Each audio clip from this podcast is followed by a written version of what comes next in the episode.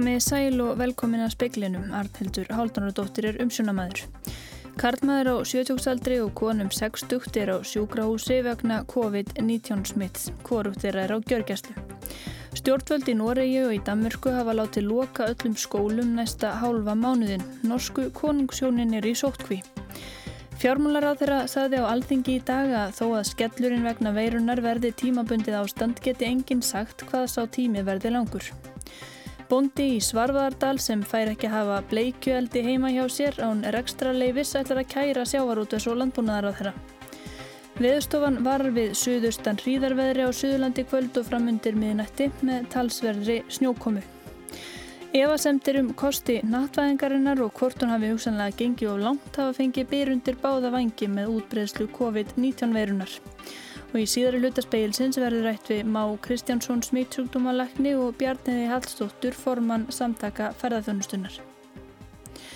Karlmaður á sjötjóksaldri og konum 60 er á sjúkrahúsi vegna COVID-19 smitts. Korugt er á gjörgæslu en þau eru í einangrunn á smittsjúkdómadeild landsbytala. Þrýr Íslendingar smittuðust af COVID-19 veirunni í bandaríkunum. Alls hafa 109 verið greindir með veiruna hérlendis, þar af 23 sem smittuðust innanlands. Þau tilfelli sem hafa greinst á Íslandi er öll hægt að rekja til fólk sem hefur verið í útlöndum. Um 900 eru nú í sótkví hérlendis. Lang flestir þeirra sem hafa greinst undanfarið voru þegar í sótkví. Þóralveg Guðnason sótvartanlæknir segir að til greina komi að vika út skilgreint áhættusveiði eftir því sem faraldurinn breyðist meira út. Þessi síking er komið mjög víða í Evrópu og er í vexti eins og á Spáni, Þískalandi, Fraklandi og jafnvel á Norðurlundunum líka þannig að það fer kannski að nálgast það að menn þurfa að velta því fyrir sig hvort að eiga að setja alla eh, sem er að koma til Íslands hreinlega í sótkví en það gæti reynst mjög erfitt í framkvæmt.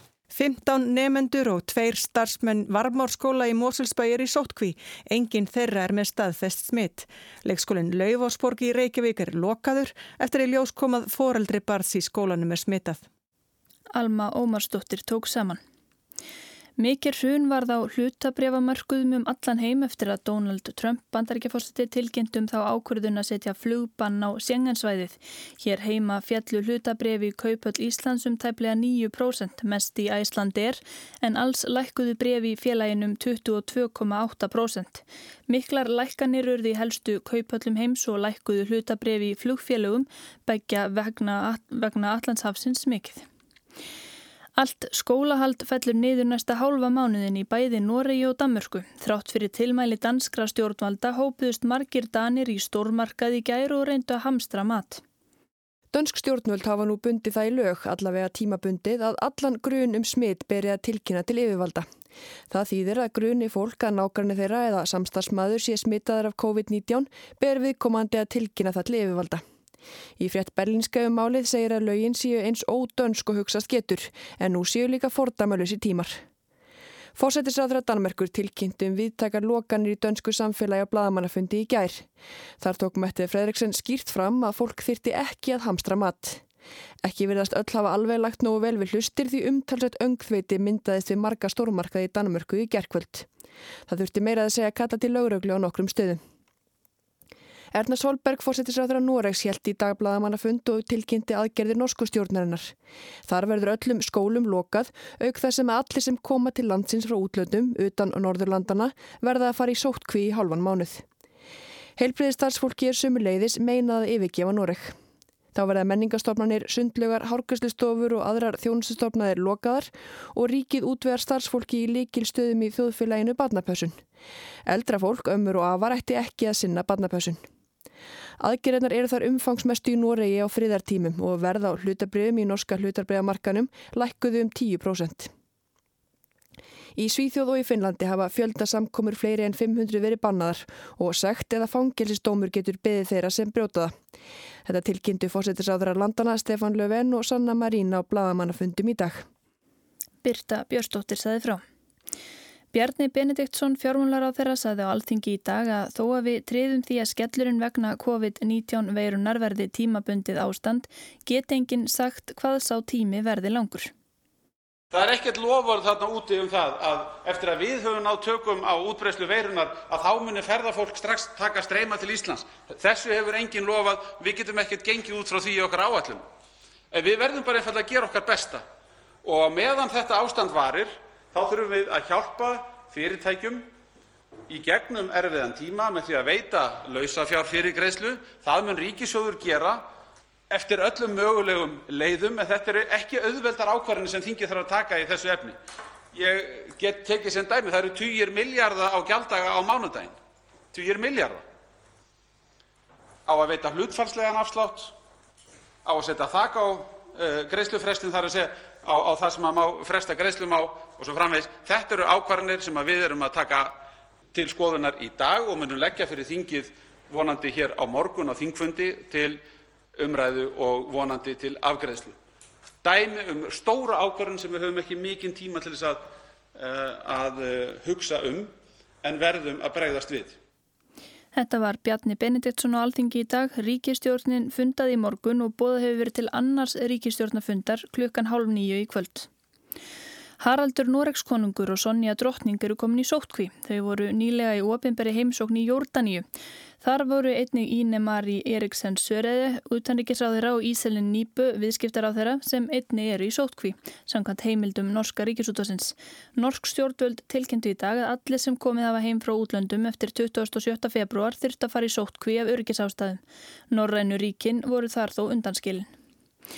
Íslandingur á Ítalíu segir Ítala sína því skilning að stjórnvöld hafi sett á útgöngubann til að hefta útbreyslu COVID-19. Það sé nöðsynlegt til að létta undir heilbreyðskerfinu sem komið sé að þólmörkum. Nánast algjört útgöngubann er nú á Ítalíu það sem 15.113 hafa greins með veiruna og 1.016 látist vegna hennar. Verslunum fyrirtækjum og veitingastöðum var lokað í morgun í öllu landinu. Einn af hverju heimili fær að fara útlað sína nöðsilegum erandagjörðum, kaupa mat og fara í apotek. Þóra Arnórsdóttir býr í bra á norðuru Ítalíu. Ég verð ekki verfið að fólk kvarti eða uh, sé reitt yfir því að vera að lendi í þessari stöðu þvert á móti. Það segir, ég meina kannski þyrfti þetta að vera ennþá strángara því þessu er fyllt eftir. Fólk var handtekið í róm fyrir að vera á ferli án þess að hafa fyrir því viðund ástæður. Í Lombardia hér aðeins þar sem flestir hafa smittast er heilbriðistarsfólki gert að forgangsraða COVID-sjóklingum. Ástæðan fyrir því að það er grepið til svona harra aðgerða núna er svo að heilbriðiskerfið í Lombardíu hér aðeins þar sem smittin eru langflest og langflestir mjög veikir eh, er til þess að þurfi ekki að gera það.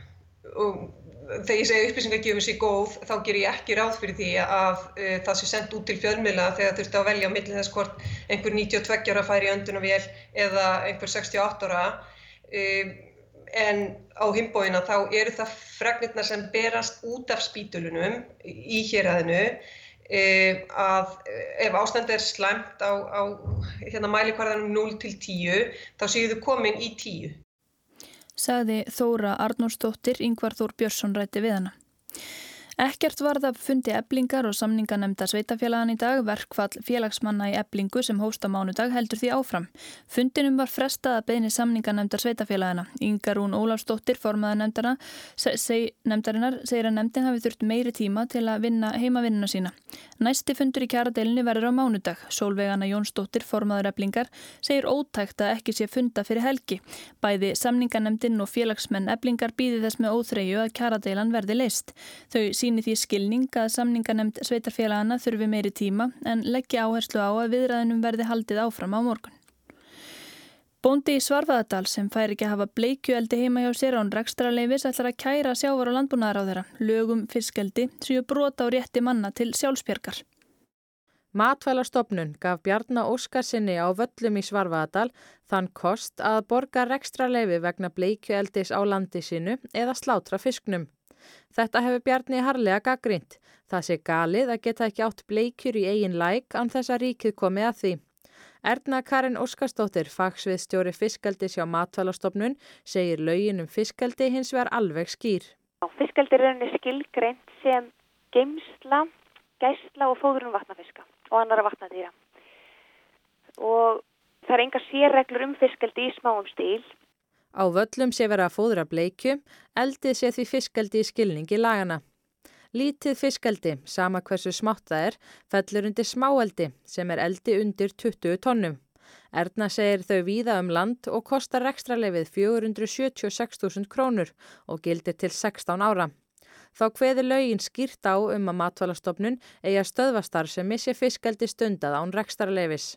Það má alltaf endur skoða lög, það er þá í höndum lögjafans að, að, hérna, að gera það. Bjarni segi bleikjurnar til gamans og heimabrúks. Þetta rekstrarleifi eigi ekki við í þeirra tilfelli og að breyta þurfi lögunum. Það verði engin framþróun geti fólk ekki byrjað smátt og pröfa sig áfram. Hann ætti því að spyrna við fótum og kæra sjáfur og landbúnaðar á þeirra. Sko, mér finnst það svo ósangjant bara gagvart bændum og bara fólki sem á land að það megi ekki nýta sér degi land. Þetta er reyna brot á rétti manna til sjálfsbjörgar. Þetta var Bjarni Óskarsson, Úla Árdal talaði við hann og Ernu Karin Óskarsdóttur. Viðustofan varar við suðaustan hríðarveðri á Suðurlandi kvöld og framundir miðnætti með talsverri snjókomu, hættir við lélegu skikni og versnandi áksturskilurðu. Þróunin í mörgum Evrópulöndum er ukvænleg. Fyrstum sinn fjölgaði COVID-19 smitum línulega, svo fór grafið að sína einhvers konar veldisvöxt. Ítalskir læknar hafa skrifað greinar og varað önnur Evrópulönd við, leiðtóar þar, megi ekki gera ráð fyrir því að það sem gerðist á Ítalju gerist ekki annar staðar. Allt snýstum að hæja á og tegja á faraldrinum þannig að heilbriðiskerfi ríkja ráði við álægið, en ríki fara ólíkar leiðir að því. Flestir verið að sammála um að þær hörðu aðgerðir sem kýmversk stjórnvöld gripu til í húbei hér aði í janúar hafi skilað árangri. Ítölsk stjórnvöld hafa nú gripið til svipara ráðstafana og síðustu daga hafa stjórnvöld í Noregi og Danmörku bannað stóra samkomur, lokað skólum og bókasöfnum, bannað íþróttaleiki og fleiri þeim dúr.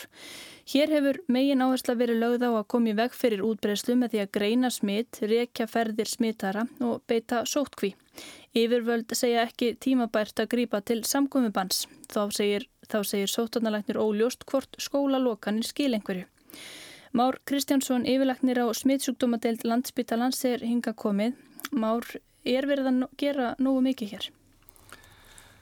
Já, ég held að við séum að beita í rauninni þeim um, úrræðum sem að okkur eru svona aðgengileg, skynsamleg. Um, við hefum verið mjög um, ákveðin í því að, að greina og rekja smitt og uh, fyrir viki að þá eru tölurna hjá okkur talsveit herri svona hlutfallslega heldur en í mörgum nákvæmnaríkjónum um, og ég held að það gefi okkur ákveði forskott í því að við höfum geta kortlagt um, ferðir fólks meira og, og ég held að, að, að það leiði til þess að við getum temprað útbreysluna og ég held að við höfum temprað útbreysluna En, en sko, hvenar hefur maður gert nóg? Um, það er í rauninni getur maður gert bara svona í baksinni speilin, hvort að nóg hafi verið að gert, en ég held að við séum í rauninni að, að, gera þetta á skýnsaman hátt.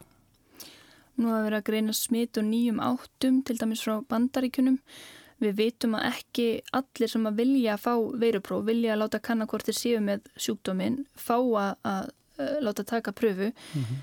Hversu stór heldur það svo kvöldu skuggatala sé hér? Getur verið að smitin á Íslandi laupi á hundruðum eða jafnvel eh, mörg þúsund? Sko ég hérna, þú var ekki að segja um þetta á svo stöldu en, en, en, og þetta er alveg óljóst. Um, sko það, það, við vitum það út frá útbæðistinu erlendis og, og þessari klínisku byrtingamind síkingingarnar að það virðist vera að svona í 80% þeirra sem að eru greindir að þeir hafi mildan sjúkdóm og, og, og þannig að, að um, og það, það kemur kannski meira í ljós við rakninguna. Og við, þetta eru svona sambarlega tölur og við erum að sjá hérna hjá okkur. Um, mér finnst það með þann fjölda sem við hefum þó greint hér á Íslandi og erum í rauninni lítið að finna af óvæntum niðurstöðum þá finnst mér það ekki benda til þess að við séum með gríðarlega mikið af duldum tilfellum. Hins vegar er að fara í gang núna, vonandi bara á næstu dögum, þessi skimun og hún munir rauninni svolítið svara þessari spurningu. Já. Nú hefur verið gripið til samkomi bans í Danmörku, Svíþjóð, Noregi. Eh, ef við hugsaum þetta bara út frá höðatölunni, þá er mun líklæra að manneskja sem fer í stræt og sund eða í búð á Íslandi hitti fyrir einhvern smitaðan heldur en í Danmörku. Þannig að hvers vegna er ekki farið í það að svona í öryggiskinni þanga til við vitum hversu útbreytt uh, útbreyttu sjúkdómurinn er að grýpa til samkominnbans hér. Mm -hmm. Sko ég, ég held að, að stjórnvöld séu að íhuga þetta á hverju minnstu sko, stundu um, Þannig að ég, það er svo sem ekki beinleins á mínu borði ákveða Nei. það en, en, en ég held að það sé svona kannski komið þar í sögunni að, að við ættum að fara að íhuga það um, vegna þess að það er alveg klárt að það er komið meira af sagt, svo, svo kallum þriðja styggs og jæfnvel fjörða styggs tilfelli út í samfélagi þannig að, að þegar að það er að gerast að þá getur það bent til þess að, að útbreyðslan sé um, umfangsmeiri heldur en við gerum okkur grein fyrir. Nú, ég get líka bent á það að nú er að koma upp e, sko, e, tilfelli sem eru influtt frá bandaríkjónum sem ekki hefur verið skilgreynd sem áhættisvæði en, en svona ef maður horfir að faraldsvæðina þá er alveg ljóst að bæði Bandaríkin, Spátn og Frakland, Þýskaland, Jæbel og Belgia eru áhættisvæði en við hefum samtíkið sett þú á neitt sérstakann lista. Þannig að, að hérna sko ég held að, að, að, að það gæti verið kannski kostur að fara að hittja þessu á næstu dögum. Og þá, þá þess að komið vekk fyrir raunni að við sjáum kurvu sem að fer bara beint upp í lofti. Já, akkurat sko og það er hérna sko við, eh, ég held að faraldun hér á Íslandi sé ekkit öðruvísi sko í stórum dráttum heldur en hann, hann virðist spilast Uh, uh, erlendis að, að því leitinu til að ég held að þessi sama hlutfallstala af alvarlega veiku fólki í þýðinu. Hins vegar er sko, veit ég ekki alveg hvort að, að sagt, hröðunar stöðullin sé svo sami og til dæmis á Ítalíu eða í Kína einmitt vegna þess hvað sóttvartan yfirvöld hafa verið sko dugleg að, að beita sóttkví á einangrun. Þannig að, en, en aftur þetta, leið, þetta leiði bara tíminni ljós. Dánartíðin virðist eh, mismunandi eftir ríkjum, hún er undir 1% í Suðu Kóru, hún er 1.15 í Ítalið ef við bara reglum þetta svona einfalt. Mm -hmm. Eitt af því sem hefur áhrif á dánartíðinu er hvort að fólk fær sérhæða þjónustu, þeir sem þurfa það, hvort að fólk kemst í öndunavél og, og maður hefur heyrt að á Ítalið hafi lagna neðst til að velja hver lifir og, og hver deyra því að það er ekki nóga öndunavélum. Mm -hmm. Hér eru 26 vélar uh, og fjöldi einfaldari ferðavéla, mm -hmm. uh, þetta eru vist gamlar vélar, við skilsta að það hafi átt að skipta hlutaðum út af því að mm -hmm. þeir eru komnar á aldur -hmm. uh, hefur áhyggjur á þessu? Sko ég hérna um, auðvitað ég veit um þessa stærðir um, ég veit að, að, að faraldurinn getur verið um, umsöga meiri heldur en við hefum kannski vonað. En e, sko þannig að þetta er bara svo raunveruleiki sem við lifum við. Það eru ímiskonar úrræði umfram þetta sem við getum beitt.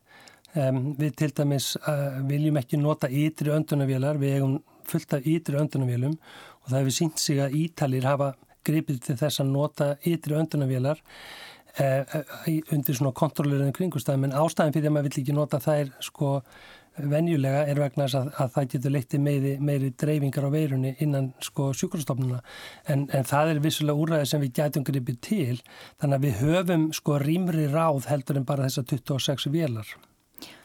Við fylgjumst áfram með þessu. Takk fyrir þetta, Már Kristjánsson. Takk að fyrir.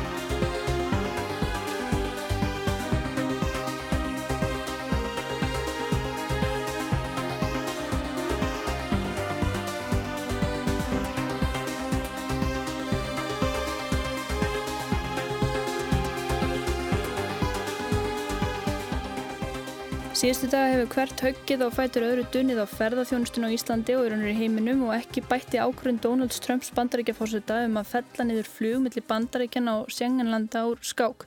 Bjarn hefur Hallstóttir formaður samtaka ferðarþjónustunar. Hvernig blastir þetta við fyrirtækjum í ferðarþjónustunum? Hvernig bara stemmingin í dag?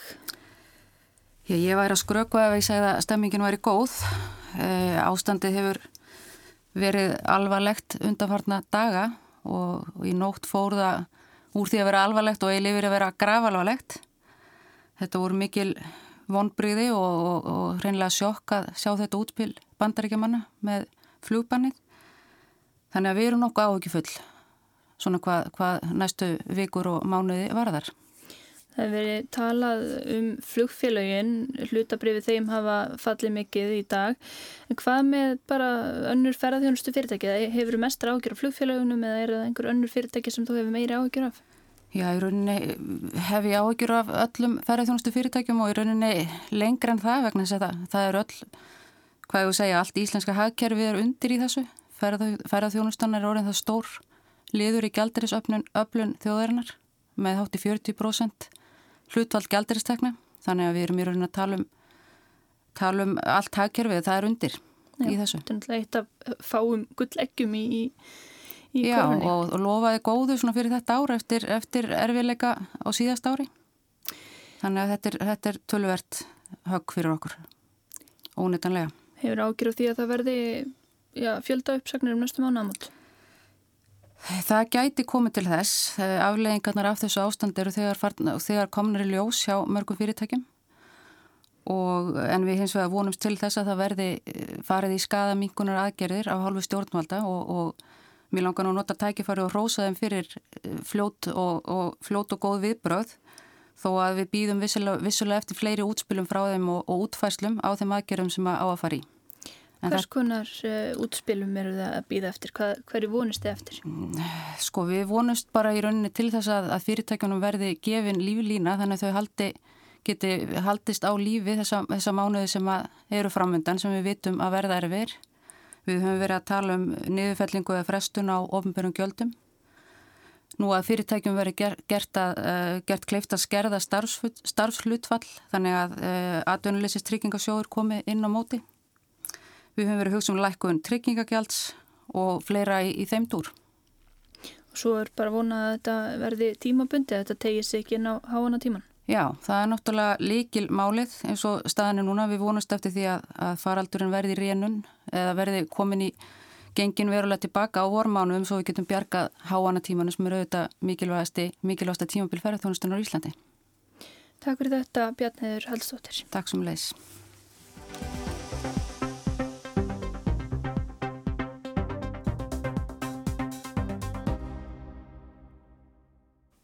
Bættar samgöngur, tölvusamskipti og trúin á sem ódýrustu vörurnar og lausnirnar hefur stuðlað dreifingu framlegsla öllu tægi frá Vesturlöndum til fjarlæra heimsluta. Populistar til hæru og vinstri tala gjarnan fyrir lokar í landamærum. Ofan í þessar ræringar kemur svo COVID-19 veirufaraldurinn. Svartidauði hafði hugsalega verið landlægur víða í Asíum árabil þegar pláan barst til Sigilegar sent á árinu 1347 áfram til Ítalíu skagans síðar þann vetur og svo norður eftir Evrópu næstu misserinn. Það var ekki fyrir en 1402, rúmri hálfriöld síðar, að pláan barst til Íslands. Sum árin sem pláan herjaði sem harðast í Evrópu voru einfallega engar skipaferðir til Íslands. Nú er öldin önnur, það tekur um sólarhinga komast frá Kína til Íslands, frá Ítalíu er aðeins nokkura klukkustunda flug. Allt hefur þetta áhrif og hefur haft áhrif Auðveldari, ódýrari og hraðari samgöngur og samskipti hafa dreyið úr áhrifum fjarlæðar. Þískar hátæknivörur eru settar saman úr hlutum frá Kína. Einu sinni setti fataðinaðurinn svip á heilu svæðin í Bredlandi. Nú koma ódýrufötinn frá Kína eða Bangladesh og Vietnam þar sem verðið er enn læra enn í Kína. Allt er þetta kaplar í sögunni um nattvæðinguna svo kolluðu. Hagvöstin í Kína og víðar í Asíu undan farin ára og áratugi má að hluta rekja til þess að þessi lönd framleiðan og vörur sem áður voru framleitar á Vesturlöndum. Vestranni stjórnmálamenn hafa fagnað ódýrari vörum en líti gert til að ebla svæðin sem urðu undir í nattvæðingunni. Bergmál vanrækslunar heyrist í Brexit og bóðskap Donald Trumps bandaríkjaforsetta um bandaríkin framar öðrum. COVID-19 faraldurinn afhjúpar veikleikana í nattvættum heimi Starfsemi fyrirtækja í Evrópu og bandaríkjunum trublast að því nú vantar vörurna frá Kína. Hagfræðingurinn Mohamed El Erian er eitt þeirra sem nú varar við nattvæðingar áhrifunum.